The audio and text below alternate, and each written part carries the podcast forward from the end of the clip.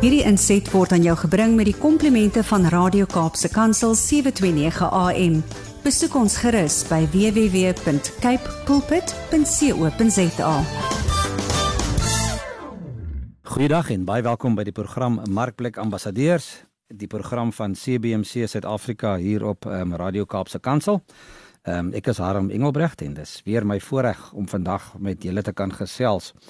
Ehm um, CBMC, soos julle nou al weet, is die Christian Business Men's Connection en dit is 'n wêreldwye bediening ehm um, wat fokus op besigheids- en professionele persone om hulle ook aan Jesus Christus voor te stel, maar ook dan te help om ook geestelik te groei en ook dan die regmatige plekke in te neem wat God wil hê hulle moet inneem. Ehm um, as leiers in hulle besighede, in hulle gemeenskappe, in hulle gesinne maar ook uiteindelik as ambassadeurs vir Christus ook veral daar in die werksplek.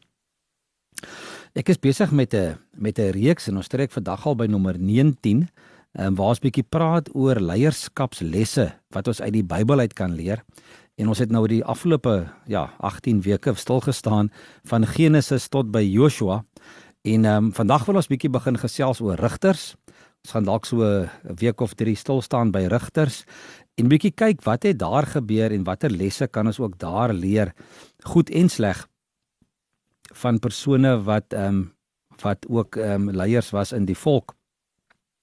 Ehm um, maar kom ons kyk net eers 'n bietjie uh, hoe wat is die agtergrond rondom rigters en wat is die opsomming van wat in rigters gebeur? En ons weet nou wat gebeur het tot op hierdie stadium. Ehm um, aan die einde van Joshua het, het Joshua nou ge, gesterf en en by Rigters 1 uh vra die Israeliete vir die Here. Ehm um, wie van ons moet eers teen die Kanaaniete gaan veg? En die Here antwoord hulle Juda moet eers gaan. Ek gee die land oor in sy mag. En daarvan af gaan die gaan die storie dan nou aan. So nadat Joshua gesterf het, was daar nie ehm um, 'n pertinente leier aangestel vir die volk nie. So die boek Rigters se titel verwys eintlik na leiers wat verantwoordelikheid geneem het vir die volk Israel vanaf die tyd van Joshua tot die tyd wat die koningstydperk begin het en is omtrent so 200 jaar um, waar wat ons in hierdie rigters 'n uh, boek lees van. Nou ja, rigters uh, is is is die Afrikaanse naam, maar die Engelse naam vir hierdie boek is judges. Um, wat eintlik dan regters is. Um, maar 'n rigter is ook een wat moet rigting aanwys. Ehm um, en die term 'n uh, rigter is gebruik vir 'n vir 'n vir 'n 'n 'n heerser of 'n staatshoof of 'n politieke leier. Ehm um, gedurende die rigterstyd uh, was die openbare mening grootliks gekant teen 'n monargie. Met ander woorde teen 'n teen 'n koningskap. Ehm um, daar was baie druk van buite, daar was baie mense wat uh, volke wat vir Israel wou aanval nadat hulle nou die beloofde land ingekom het. En die volk sou dan nou later, ons lees daar in 1 Samuel gaan ons later kom waar die volk dan nou by die Here aandring dat hulle 'n koning soek. Maar in die rigterstyd was dit was God self Israel se koning. Terwyl hierdie rigters ehm um, as ondergeskikte herders gedien het wat deur God aangestel was en soos ons ook gaan sien later van hulle het hulle sommer hulle self aangestel en en ehm um, hulle self gaan indruk in 'n posisie. Met Joshua as leier het het Israel almal oorwin wat in sy pad gestaan het. En die volk het die land beset wat God jare tevore aan hulle beloof het. Na Joshua se dood het die stamme egter in die moeilikheid beland in hulle pogings om hulle erfenis te probeer konsolideer. Daar was onrus in Palestina. Die Filistyne het die het van die Middellandse See af inbeweeg van die kuslyn af en en 'n uh, bietjie ingedruk en uh, probeer om die volk in te neem, 'n bietjie van 'n wurggreep uitgeoefen van daai kant af. En die um, ander groepe soos die Midianiete het weer Israel van die ooste kant af bedreig. En die verstrooide stamme het verdeel en verswak geword en hulle het nie 'n sterk leier gehad wat vir hulle 'n visie as 'n nasie kon voorhou nie. Die laaste en bekendste vers in die boek Rigters is waarskynlik die laaste vers wat sê In daardie tyd was daar nog nie 'n koning in Israel nie en elkeen het gedoen wat reg is in sy eie oë. Ehm um, nogtans en die tema van rigters is ook dit skenk God elke keer redding of uitkoms deur 'n leier na vore te laat tree. Sodra die die leiding, die swaar kry ondraaglik geword het vir die mense en hulle begin uitroep het na God in wanhoop, het God hierdie rigter of hierdie bevryder opgeroep om die juk van die onderdrukker af te gooi. Soms was hierdie rigters goeie mense uh, met inbors soos Gideon, ehm um, Deborah, ehm um, en Samuel en dan was daar ook onstabiele en onvoorspelbare karakters soos Samson. En ons daar's omtrent in totaal omtrent so 13 rigters waarvan ons lees hier in hierdie boek en ons gaan uh, na 'n paar van hulle kyk. Die boodskap is in elk geval duidelik. God roep die swak en onwaarskynlike kandidate om die sterkes en die verstandiges skaam te maak. Deborah was 'n vrou wat 'n volksleier in haar tyd was toe mans uh, as die meerdere geslag beskou is. Gideon, wat die geringste in sy familie was, uit die kleinste stam van Israel, het een van die volk se grootste leiers geword. Die die man wat ons almal se naam ken, Samson, daai sterk ene, het vir 'n kort tydjie gelei voordat sy onvermoë om homself te beteel en in toom te hou ook tot 'n einde eh, om tot 'n einde gebring het. En die les wat ons uit Rigters kan leer is mense het leiers nodig. Jesus het vir ons hierdie waarheid bevestig toe hy sy volk in Matteus 9:36 beskryf het as hulle dwaal rond so skape wat nie 'n wagter het nie. Chaos heers wanneer die mensdom doen wat reg is in hulle eie oë. En dit lees ons 'n paar keer in Rigters dat die mense gedoen het wat reg is in hulle eie oë en dat hulle um, van die Here afvallig geraak het. 'n Beskaafde bestaan word onmoontlik wanneer almal net doen wat hulle wil. Ons het nog altyd wyse gelowige leiers nodig. En in Rigters word hierdie waarheid vir ons weer baie duidelik geillustreer. So wat 'n so rol het God gespeel in Rigters? Ehm um, sy rol gedurende hierdie tydperk in die geskiedenis ehm um, kan nie oorskat word nie. Die mense het hulle in hulle verowering van Kanaan verlustig, maar eintlik het hulle tussen vryheid en chaos ehm um, heen en weer uh, geskuif. Hulle het uh, die rug op God gekeer en dan weer na hom teruggedraai in tye van benoudheid. En hierdie patroon is tel telke male herhaal. Maar tog het God elke keer iemand na vore laat tree om die volk uit hulle benarde situasie te lei. God alleen het as koning oor Israel geregeer. En net hy kon leiers oproep om hom en sy mense te dien. Nou daar's 'n paar uh, leiers in rigters waar waarvan ons uh, gaan lees. Soos ek sê, daar's omtrent so 13 rigters waarvan ons in in in rigters lees. En ehm um, daar's 'n paar lesse wat ons gaan lees oor gaan leer oor leierskap uit rigters uit. En ek wil net sommer so sewe punte vinnig noem voor ons aangaan verder. En een van die eerste lesse is leiers wat hulle waardes op die spel plaas, stel uiteindelik hulle doelstellings in gevaar. Met ander woorde, daai leiers wat kompromieë aangaan met die vyand, wat hulle waardestelsel eenkant toe skuif om hulle self en mense te bevredig. Hulle eie doelstellings word uiteindelik in gevaar gestel en hulle visie word nie bereik nie. Die tweede punt, dit vereis sterk geesgedrewe leierskap om 'n ommekeer in God se koninkryk te bewerkstellig. Dit gebeur nie sommer van self nie, né? Sterk geesgedrewe leierskap is nodig. En dan die derde plek, leiers behoort te lei uit sterkte van hulle spesifieke gawes en hulle sterkpunte. Met ander woorde, wat is dit wat God spesifiek in jou geplaas het, waarmee hy jou toegerus het, wat jy kan gebruik om om om mee te lei? En dan in die vierde punt, wie 'n plan en insig het, met ander woorde ook 'n visie het, is ook die een wat mag en invloed het. So dis belangrik. As jy wil mag en invloed hê in die omgewing daar waar jy lê, is dit nodig om ook 'n plan te hê en ook die nodige insig te hê. Leiers moet hulle self leer, ehm um, of skies tog leiers moet leer om hulle self te lei voordat hulle ander mense ehm um, kan probeer lei. Ehm um, en dan mense moet vir uh, mense vertrou hulle steun aan die leier toe voordat hulle dit aan die saak sal gee um, of aan die visie sal gee. So mense vertrou eerstens die persoon voordat hulle die visie gaan vertrou. En God sal dikwels die mees onwaarskynlikste mense roep om sy doel te verwesenlik. En ons het dit nou al gesien in een van ons vorige programme ook waar die Here mense gebruik het wat ons glad nie eens aan sou gedink het nie. En dan daardeur ehm um, lei hy sy volk en ehm um, bring hy vir hulle vir hulle uitkoms. Ek voel ek voel ehm um, net bietjie verder gaan rondom met die inleiding rondom rigters.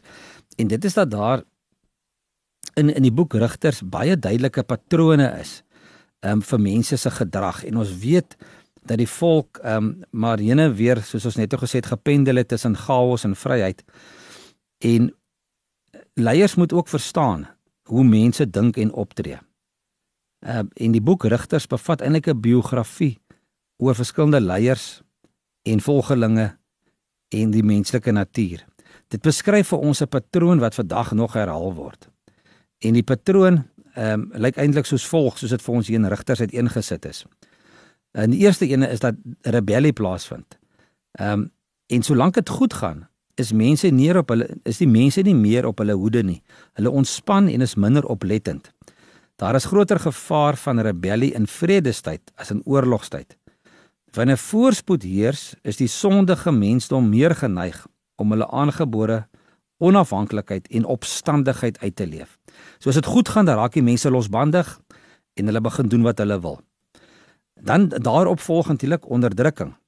Ehm um, of God nou 'n vyand instuur en of die mense self hulle eie ondergang bewerkstellig. Hulle verduur ontbering, rampspoed, aanvalle van die van die uh, vyande van die omliggende volke of ook natuurrampe. Verkeerde lewenskeuses ehm um, loop dan uit op vergelding. En dan in die volgende plek wat gebeur is, daar's berou. So hierdie uiterste slegte omstandighede ehm um, ehm um, is dikwels 'n 'n katalisator om berou by mense te bring en dan die onderdrukking of die of die rampe wat hulle wat hulle ervaar skud hulle dan wakker. Mense begin dan weer fokus op wat belangrik is en hulle motivering en optrede raak dan nou weer uh, suiwer organisasies sny hulle begrotings, hulle skaal uh, af en sny hulle uh, uit, uit uitgawes wanneer hulle in hierdie situasie beland. En dan is daar 'n herstelproses, die die vierde ene. En ehm um, hierdie hierdie suiweringsproses lei dan tot herstel en mense herwin die seëninge wat hulle voorheen geniet het of verkry het wat vir hulle bedoel was. Wanneer hulle weer begin om God te gehoorsaam, vat vrede weer in die land pos en die patroon van die sondige menslike natuur voltooi dan so sy kringloop.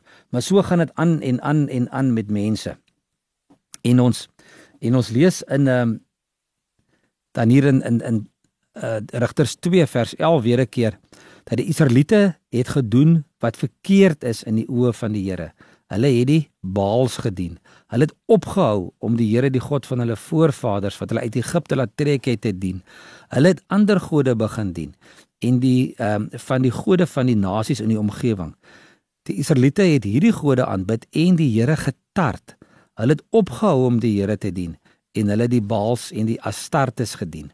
En toe die Here kwaad geword vir Israel en hulle oorgegee in die mag van roofbendes deur wie Israel beroof is.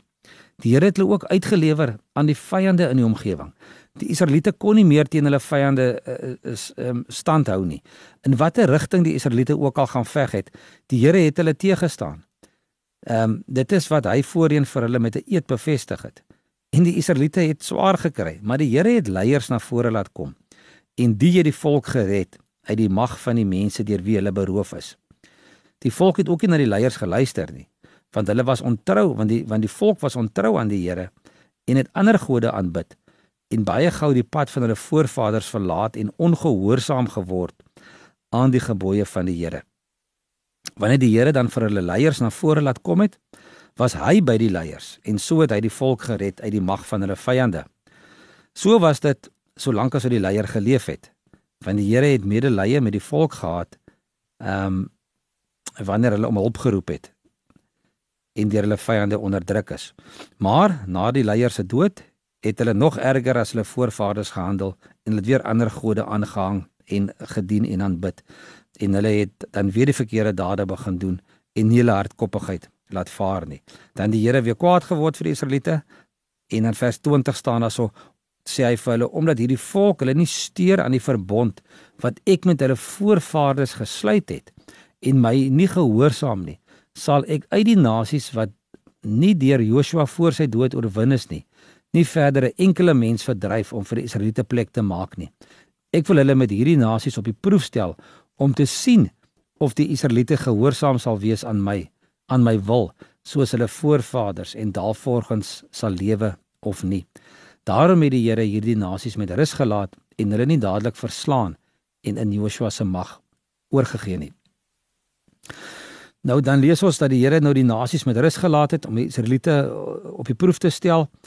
En ehm um, en dan lees ons in vers in vers 7 van hoofstuk 3.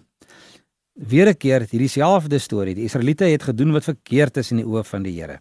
Hierdie hulle die Here hulle God vergeet en die Baals en die gewyde pale gedien. Toe het die Here kwaad geword vir die Israeliete. Hy het hulle oorgegee in die mag van koning uh, Kusan Risatayim van Mesopotamië en hulle was 8 jaar sy onderdane. En nou kry die volk weer jammer, nou hulle weer voel hulle weer sleg. Nou sê hulle weer in vers 9, toe roep die Israeliete weer na die Here. En hy het vir hulle 'n redder na vore laat kom en hy was Otniel. Nou Otniel was die seun van Kena, sy jonger broer van Caleb.